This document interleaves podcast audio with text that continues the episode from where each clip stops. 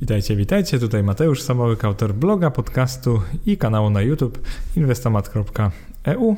A dzisiaj temat bardzo, bardzo ciekawy, czyli na szlaku do finansowej niezależności opowiem Wam, jak idzie mi w osiąganiu FIRE, czyli po prostu co u mnie, jeżeli chodzi o finansową niezależność. Jest to czas najwyższy, ponieważ ostatni wpis, podcast tego typu nagrałem już ponad rok temu. Nazywał się on Dlaczego inwestuję, czyli moja droga do finansowej niezależności. Opowiedziałem tam mniej więcej, gdzie jestem, jak mi idzie, jak wyglądają moje dochody, wydatki, tak oczywiście relatywnie, oraz y, co zmieniłem w swoim inwestowaniu. I było było już na moim blogu bardzo wiele wpisów o ruchu FIRE, czyli właśnie o tym, no takiej pożądanej przeze mnie bardzo finansowej niezależności, e, którą chciałbym osiągnąć przed 40. Także ci, którzy nie wiedzą, na początku to jest pewnie ważna informacja, mam jeszcze jakieś 8 lat. Jeżeli chodzi o ten mój szlak do finansowej niezależności, to jestem na nim też od około 8 lat, czyli od drugiej połowy roku 2013, w którym to zacząłem pełnotatową pracę jako inżynier w Szwecji dokładnie. Po kilku latach wracając do Polski, ale do tego zaraz wrócimy. Jeżeli chodzi o moje życie, moje podejście do życia, to jest e, najważniejsze dla mnie chyba to, żeby mieć możliwość wyboru, czyli taką dowolność, jeżeli chodzi o e, również pracę, nie tylko pracę, ale jeżeli chodzi o wszystko. Natomiast w Polsce od pokoleń był krzewiony w ludziach taki etos pracy do 65. No oczywiście dla kobiet jest to w tej chwili 60, bo taki jest wiek emerytalny. Ja sam kilka lat temu podjąłem decyzję o tym, że w wieku 40 lat no nie chciałbym już musieć pracować i nie chodzi o to bynajmniej, że jestem osobą bardzo leniwą, bo ci, którzy widzą jak tutaj można powiedzieć, zasuwam e, na tym blogu, nawet nie wyobrażają sobie, że drugie tyle mniej więcej robię e, w pracy, nawet pewnie więcej robię w pracy niż na blogu.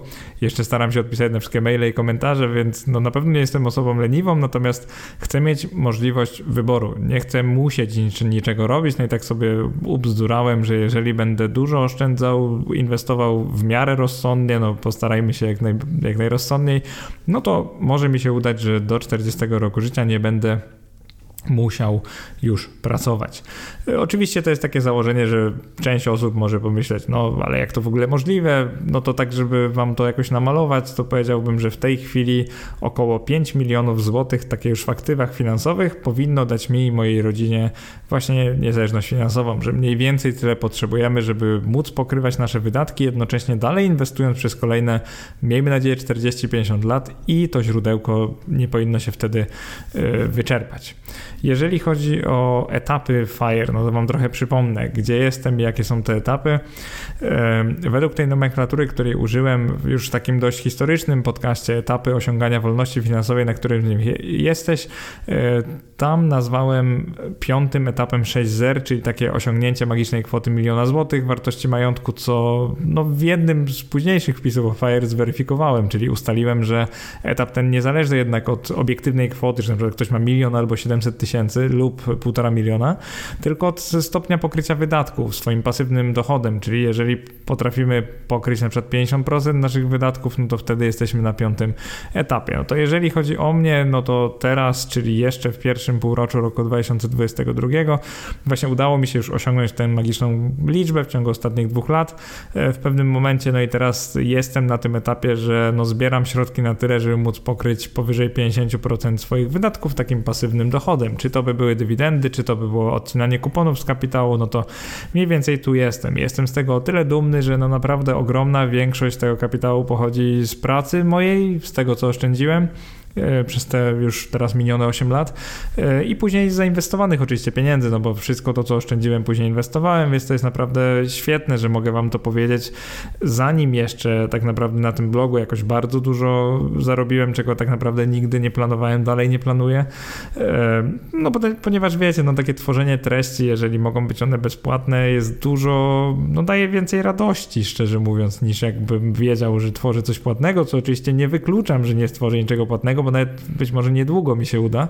Natomiast e, chcę, żebyście wiedzieli, że to nigdy nie było celem, że jakby to Fire jest niezależne. Myślę, że bym miał osiągnął nawet jakby ten blog nigdy nie powstał. Natomiast jest to dla mnie bardzo ciekawy temat, którym myślę, że mogę zainspirować wiele osób, jeżeli coś takiego pokażę. Więc e, teraz zakładam, że gdybym już teraz chciał przejść na Fire, to może byśmy przeżyli tak do 10 lat na tym, co zbieraliśmy, może 15, w zależności od e, po prostu szczęścia w inwestowaniu. Natomiast ta kwota jest absolutnie za mała, żeby móc osiągnąć osiągnąć finansową niezależność. Natomiast Bardzo w porządku jest to, że e, myślę, że już w ciągu dwóch, trzech lat osiągnę taki pułap, że mógłbym na przykład osiągnąć barista fire, czyli jakby e, połowę dochodu mieć z inwestycji, a połowę na przykład z jakiejś prostszej pracy, na przykład ja się jako barman, kelner lub po prostu freelancer na pół etatu, więc właśnie coś takiego e, próbuję zrobić. No i oczywiście mowa tu o dzisiejszych 5 milionach, jak widzicie w tabeli, że tyle potrzebuję, żeby fire osiągnąć, czyli no zainwestowane w rozsądny sposób jakieś jakieś ponad y,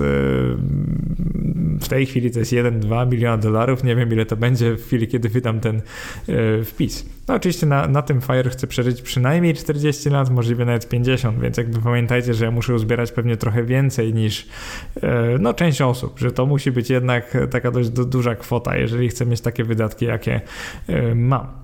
Jeżeli chodzi o moje dochody i wydatki w kontekście FIRE, jak już tu jesteśmy, to te, też mam taki specjalny wykres właśnie dochodów i wydatków. E, tam są dochody podzielone na źródła i to jest jakby się spiętrzone, można powiedzieć, czyli tu mamy wykres skumulowany i mam wydatki w postaci liniowej. To jest taka prosta, to jest taka czerwona linia. E, wygląda to mniej więcej tak, że w latach 2010-13, czyli kiedy byłem w wieku 21 do 24 lat, uczyłem się inwestować, ale na drobnych kwotach, które no, udało mi się oszczędzić dzięki głównie dorywczej pracy, bo wtedy akurat studiowałem.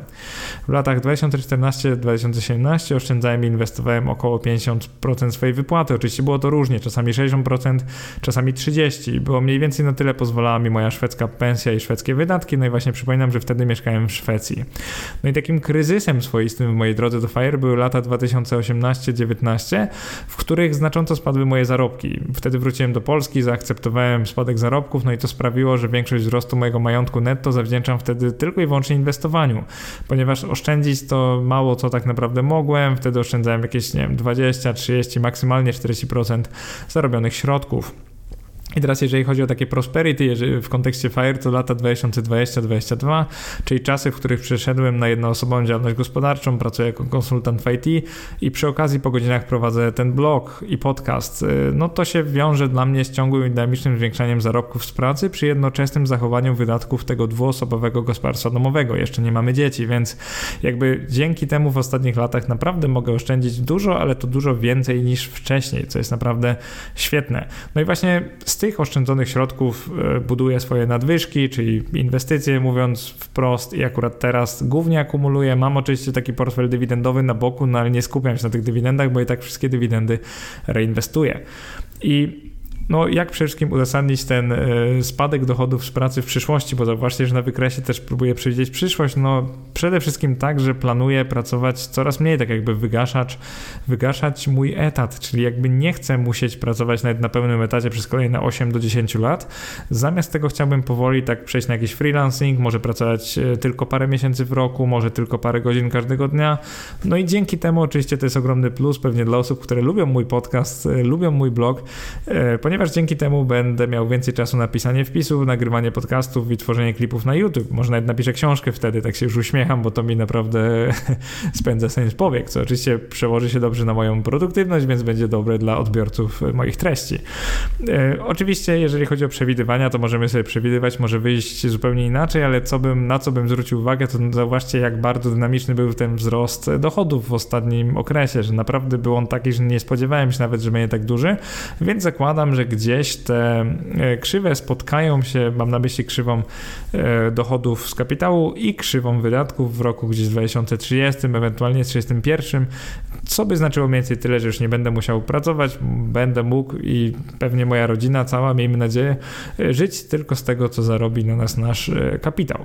I teraz, jeżeli już mówimy o FIRE, no to czego się nauczyłem? Jakieś takie kilka wniosków, które chcę Wam dzisiaj przekazać, no to przede wszystkim to pierwszy z nich jest taki, że zauważyłem, że sporo osób dążących do przyspieszonej emerytury wolności finansowej oszczędza ekstremalnie, czyli jakby e, tutaj na wykresie pokazuję trzy sposoby na oszczędzenie i zainwestowanie 5000 zł miesięcznie.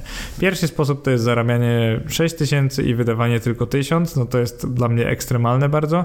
Drugi sposób to jest zarabianie 8000, a wydawanie 3000, czyli jakby większość oszczędzamy, inwestujemy. Trzeci sposób jest taki, że no, zarabiamy 15 tysięcy, oszczędzamy y, tylko 5, czyli jakby wydajemy 10. No i tutaj z kolei wydatki dominują w naszym budżecie. To jeżeli chodzi o mnie, to ja preferuję ten drugi, czyli gdzieś tak 60, 70, 80% dochodu postarajcie się oszczędzić, zainwestować. Uważam, że wtedy mamy taki fajny balans między jakością życia, bo jednak mamy pewne wydatki i możemy sobie pozwolić na jakieś przyjemności. Dla mnie to akurat jest, są podróże głównie głównie, dobra herbata, dobre piwo też czasami lubię wypić, takie kraftowe raczej, więc jakby mam swoje, wiecie, rzeczy, na które lubię wydawać pieniądze i bez nich bym po prostu, no nie chciał chyba żyć. Nie powiem nie mógł, bo mógłbym bez nich żyć, ale chyba bym nie chciał.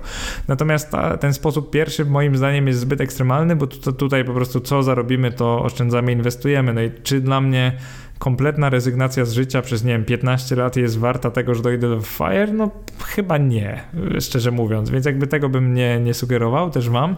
Sposób trzeci natomiast jest taki, że zarabiamy już więcej, ale mimo wszystko jakby mamy inflację stylu życia, czyli nasze wydatki dynamicznie rosną i też nie możemy wtedy tyle oszczędzić i zainwestować.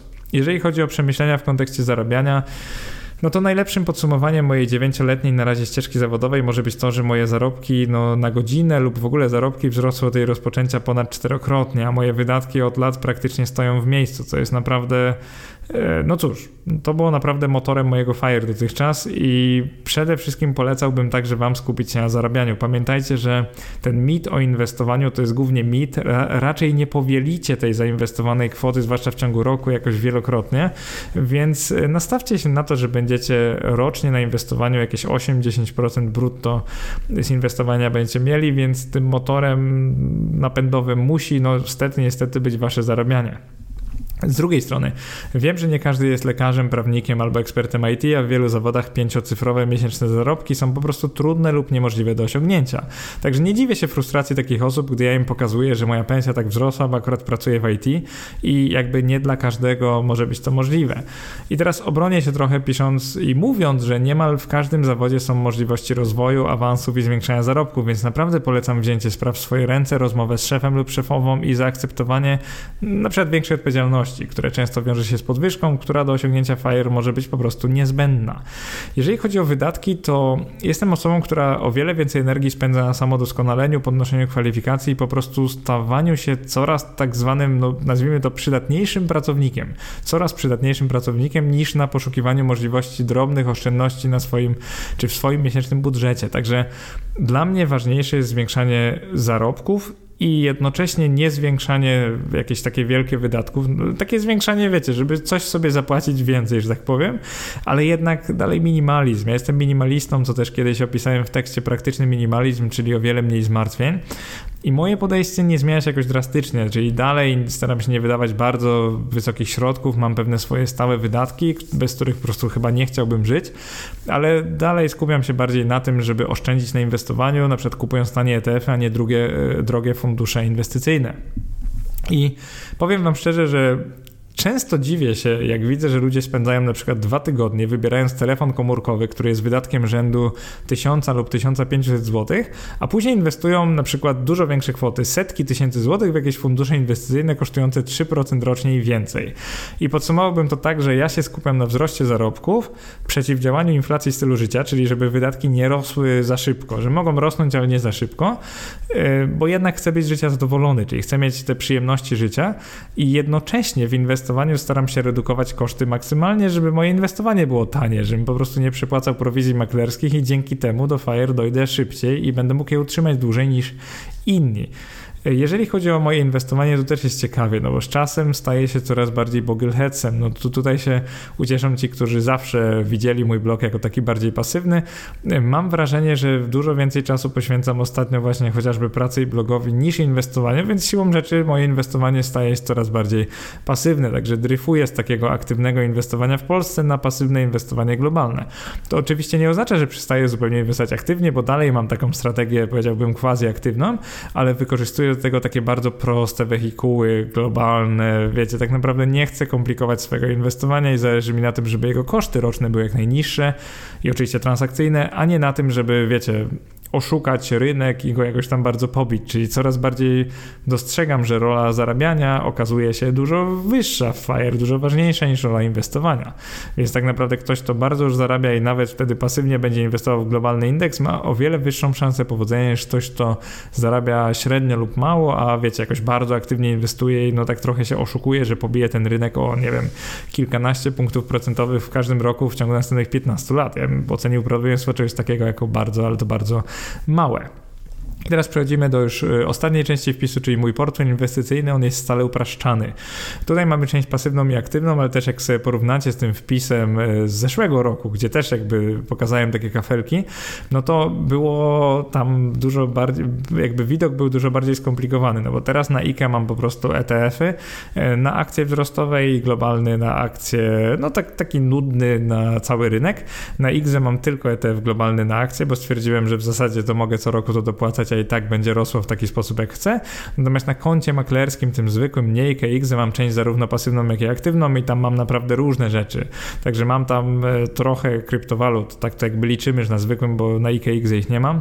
E, mam akcje dywidendowe, akcje wzrostowe, mam ETC na kruszce i surowce, także mam różne części naprawdę. I w części pasywnej mam z kolei obligacje skarbowe i korporacyjne i też mam ETF na akcje globalne. Także ten mój portfel na koncie maklerskim jest o wiele większy niż ten portfel na IKE, więc więc mam tam naprawdę miks różnych aktywów i strategię taką e, quasi aktywną, bym powiedział, że wykorzystuję instrumenty takie typowo pasywne jednak do strategii bardziej aktywnej, czyli przełączam proporcje portfela w zależności od wycen e, giełd. To, czego nie widać na powyższym, e, na tym diagramie we wpisie czy na YouTubie, to jest liczba instrumentów w każdej kategorii, czyli w każdym prostokącie. No i z czasem znacząco ją zredukowałem, bo kiedyś miałem instrumentów nawet 50 i więcej, no to teraz mam łącznie poniżej 25 i staram się jeszcze bardziej zredukować, także no chciałbym o wiele bardziej uprościć moją strategię w dalszych latach. I ta strategia jest o tyle pasywna, że uzbierane na IKX ze środki, które po 5 latach wpłat wynoszą już łącznie, teraz już jest ponad 200 tysięcy złotych, zamierzam inwestować wyłącznie w ETF-y akcyjne i po prostu trzymać niezależnie od tego, co się dzieje na rynkach akcji, bo stwierdziłem, że i tak akcje w długim terminie przyniosą odpowiednią stopę zwrotu. E, oczywiście mógłbym tam e, zastosować jakąś bardziej złożoną strategię, ale dopóki te środki wynoszą taką zdecydowaną mniejszość moich środków, to tak naprawdę mogę tam po prostu kupić e, indeksy i zapomnieć o sprawie. Jeżeli chodzi o inwestowanie, też mam kilka przemyśleń dla Was. E, przede wszystkim w kontekście FIRE. Pierwsze przemyślenie to to, że inwestorzy śpieszą się, mają nierealistyczne oczekiwania, czyli na przykład wierzą, że na przykład uzbieranie 5 milionów złotych jest proste, bo wystarczy mieć 800 tysięcy i corocznie osiągać przez 10 lat 20% zwrot inwestycji. Tylko problem jest taki, że to jest trudne do osiągnięcia nawet dla no, mistrzów inwestowania, dla profesjonalistów, czyli o wiele rozsądniej założyć stopę zwrotu w rejonie 5-10%, dopiero wtedy policzyć sobie, ile musimy zarabiać dokładnie do portfela, żeby osiągnąć określoną kwotę. Kolejna sprawa albo problem jest taki, że inwestorzy bardzo komplikują sobie życie, tworzą jakieś bardzo złożone, ale niekoniecznie e, efektywne portfele inwestycyjnej, czyli na przykład mają 15 różnych ETF-ów, z czego większość jest droga na jakieś różne branże, różne państwa i później okazuje się, że to wcale nie pobija indeksu światowego, więc tu sugerowałbym albo jakiś, jakąś analizę wsteczną, można po prostu backtesting zrobić, Albo tak prosto zastanowić się, czy Wam się chce prowadzić takie portfele, bo zazwyczaj one wcale nie opłacają się bardziej niż taki zwykły, globalny, prosty portfel. E, trzeci błąd albo takie przemyślenie, które zauważyłem, to to, że inwestorzy bagatelizują rolę zwiększania zarobków, czyli spodziewają się, że samo inwestowanie przyniesie im FIRE. Natomiast jak ja spojrzę na to, ile środków oszczędziłem, ile mi się udało z inwestowania jakby otrzymać i ile teraz zarabiam przede wszystkim, no to widzę, że jednak rola wzrostu zarobków jest ogromna. Tak naprawdę uważam, że bez wzrostu zarobków zarobków bez uzbierania tej kwoty e, no nie da się osiągnąć FIRE. Nawet jeżeli inwestujecie rozsądnie, globalnie, to musicie uzbierać określone środki, a tego to się wam po prostu nie uda, jeżeli nie będziecie dużo zarabiać, albo przynajmniej coraz więcej. Musicie coraz więcej zarabiać, musicie dużo oszczędzać. E, jeżeli chodzi o mój szlak do finansowej niezależności, to ja sam też popełniłem pewne błędy. Przede wszystkim lata temu nie doceniłem wpływu zarobków na możliwości oszczędzania i inwestowania pieniędzy. I właśnie wszystkim zainteresowanym FIRE, zwłaszcza jak teraz macie, nie wiem, 20-25 lat około, polecałbym Wam od samego początku kariery czy pracy zawodowej mocno skupić się na możliwościach awansu lub otrzymania podwyżki. Czyli po prostu, jeżeli jesteście w takiej branży, gdzie nie ma takich możliwości, to najwyżej spróbujcie ją zmienić, jeżeli się da. I jeżeli chodzi o resztę, no to po prostu ciężko, uczciwie i jak najmądrzej pracujcie, żeby jak najszybciej móc zebrać owoce tej pracy, no bo bez tego FIRE jest po prostu niewykonalne. E, pamiętajcie, że FIRE to jest przyspieszona emerytura, czyli early, ponieważ taka emerytura z kapitału jest jak najbardziej wykonalna, tylko osiągniecie ją w wieku 50, może 55, 60 lat, więc jakby co innego mieć plan, że w wieku 35 lub 40 lat przejdziecie na emeryturę, a co innego w wieku 50. To jest jakby zupełnie inna idea i zupełnie inne zarobki są wymagane.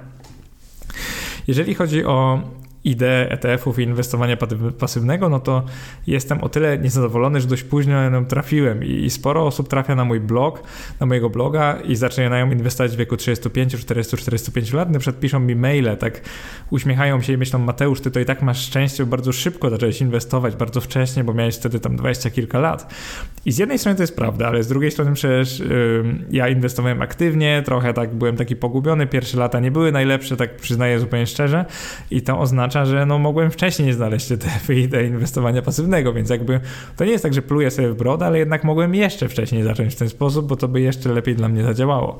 I kolejna sprawa, albo raczej błąd, który popełniłem, to to, że nie doceniłem negatywnego wpływu powrotu do Polski na moje zarobki, czyli zaakceptowałem ponad dwukrotnie niższe zarobki niż miałem w Szwecji i tak naprawdę efektywnie straciłem możliwość oszczędzania na prawie 2,5 roku, bo się okazało, że koszty w Polsce wcale nie były dużo niższe, e, zwłaszcza jeżeli chodzi o produkty żywnościowe, się okazały bardzo podobne podobne jak w Szwecji, w tamtych czasach przynajmniej, więc nagle się okazało, że ja zarabiam dużo mniej, ale nie mogę, wiecie, nie wydaję dużo mniej, wydaję bardzo podobnie, więc okazało się, że za bardzo nie mogłem oszczędzać i inwestować, co oczywiście bardzo myślę, że spowolniło moje FIRE o przynajmniej 1 czy 2 lata jeżeli chodzi o szansę powodzenia mojego planu. On zakłada w tej chwili uzbieranie tych dzisiejszych około 5 milionów złotych, e, posiadanie w pełni spłaconej nieruchomości, czyli oczywiście już, że nie mam hipoteki i przed ukończeniem 40 roku życia. No i szanse na osiągnięcie tego planu oceniam obecnie jakieś 60%. E, główne ryzyka to przyszłość i kondycja rynku IT. Niektórzy mówią, że jest bańka na tym rynku, co oczywiście rozumiem, no bo te zarobki bardzo dynamicznie rosły w ostatnich latach. E, ryzykiem drugim jest moja chęć, motywacja do pracy w tej branży przez kolejne kilka lat, bo to tak trochę zakłada, że będę dalej pracował w IT. Ryzyka są oczywiście też inwestycyjne, ponieważ wielu ekspertów wie, że jak zwykle koniec hossy jest zasadniczo niższe niż w przyszłości stopy zwrotu z inwestycji w akcje, co gdzieś tam rozumiem, bo zauważcie, że jak mam wpisy portfelowe, to sam oceniam, że akcje wydają się dość drogie. No wiadomo, to nie jest tak, że w tej chwili na pewno są drogie, no ale droższe niż relatywnie tam kiedyś były w przeszłości. Akurat gdy eksperci prognozują gorsze czasy, to się tak nie martwię, bo bardzo często wtedy te prognozy są nietrafione, ale zauważcie, że średnia stopa zwrotu, jeżeli z takiego typowego portfela 70-30 nie przekroczy w kolejnych latach 8% rocznie brutto, to i tak mam szansę osiągnąć FIRE. Tak sobie policzyłem, że i tak może dam radę. Trzecim ryzykiem są oczywiście wydatki, no bo jeżeli założę rodzinę, będę miał dzieci, a bardzo bym chciał, nie, nie ukrywam przed wami, że bardzo bym chciał, to jest jeden z moich takich najważniejszych celów na kolejne miesiące i lata, no to no fajnie, że są wpływy z 500, plus, ale jednak na dzieci wydaje się dużo więcej, więc ja i tak zakładam w tym planie, że moje wydatki wzrosną no, ogromnie, o przynajmniej 50%, jeżeli nie dwukrotnie. No to Inflacja jest niewiadomą, y, moje potrzeby są niewiadomą, potrzeby mojej rodziny są niewiadome, więc tak naprawdę ciężko jest w tej chwili powiedzieć, czy plan się powiedzie, bo też wydatki są zmienną, więc podsumowanie może być bardzo krótkie. Y, zauważcie, że no ciężko jest cokolwiek przewidzieć. Można ocenić historię, że nie była taka zła, że inwestowanie idzie mi naprawdę ok w ostatnich latach, co czym zresztą dzielę się z wami na blogu. Y, zarabianie też idzie mi ok, ponieważ te zarobki szybko rosną, udaje mi się jednocześnie nie wydawać zbyt wiele, mimo tego, że w ciągu roku staram się mieć przynajmniej taki jeden, nazwałbym go egzotyczny trip, jakąś taką podróż w fajne miejsce na świecie, która no często kosztuje za osobę 10 tysięcy złotych przynajmniej. Tak mówię wam szczerze, nawet jak się z plecakiem i, i w miarę tanio to robi przez jakieś Airbnb czy Booking, to po prostu to kosztuje, więc jakby nie da się uniknąć takiego kosztu, jeżeli ktoś chce to robić. Druga sprawa to to, że no, jestem właśnie e, teraz w trakcie spłacania kredytu hipotecznego, e, więc no to oznacza tyle, że no, muszę spłacić jeszcze hipotekę. Akurat i tak wziąłem taką, że wkład własny był dość wysoki, ale to nie zmienia faktu, że no to też jest jakoś uwzględnione w planie, że ta hipoteka ma mi oszczędzać pieniądze, a nie generować e, koszty, więc oczywiście jeżeli tylko stopy procentowe uciekną za bardzo, będę musiał po prostu uciąć część portfela inwestycyjnego i nadpłacić kredyt tak, żeby te koszty miesięczne nie zjadały zbyt wielkich środków. I teraz zauważcie, że zmiennych jest niesłychanie dużo, ryzyk jest niesłychanie dużo, tak naprawdę są pewne założenia, które poczyniłem.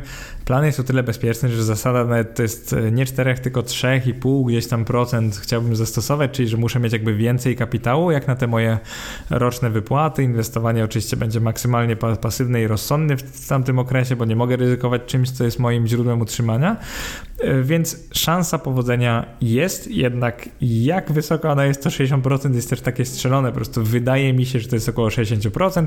Jeżeli się nie uda, to co? To nie ma problemu, tak naprawdę popracuję trochę dłużej, rok czy dwa, to nie jest jakiś wielki problem, także świat mi się nie zawali. Jeżeli się nie uda, jeżeli się uda, to świetnie, będę miał więcej czasu na, na przykład na prowadzenie tego bloga, podcastu i YouTube'a, więc oczywiście dobrze dla słuchaczy, jeżeli lubicie te moje treści. Bardzo Wam dziękuję za przesłuchanie do końca. Mam nadzieję, że się podobało. To było tak trochę o mnie, ale to też może dać trochę inspiracji Wam na Wasze własne Fire i mam nadzieję, że właśnie dało taką inspirację. Do następnego, cześć!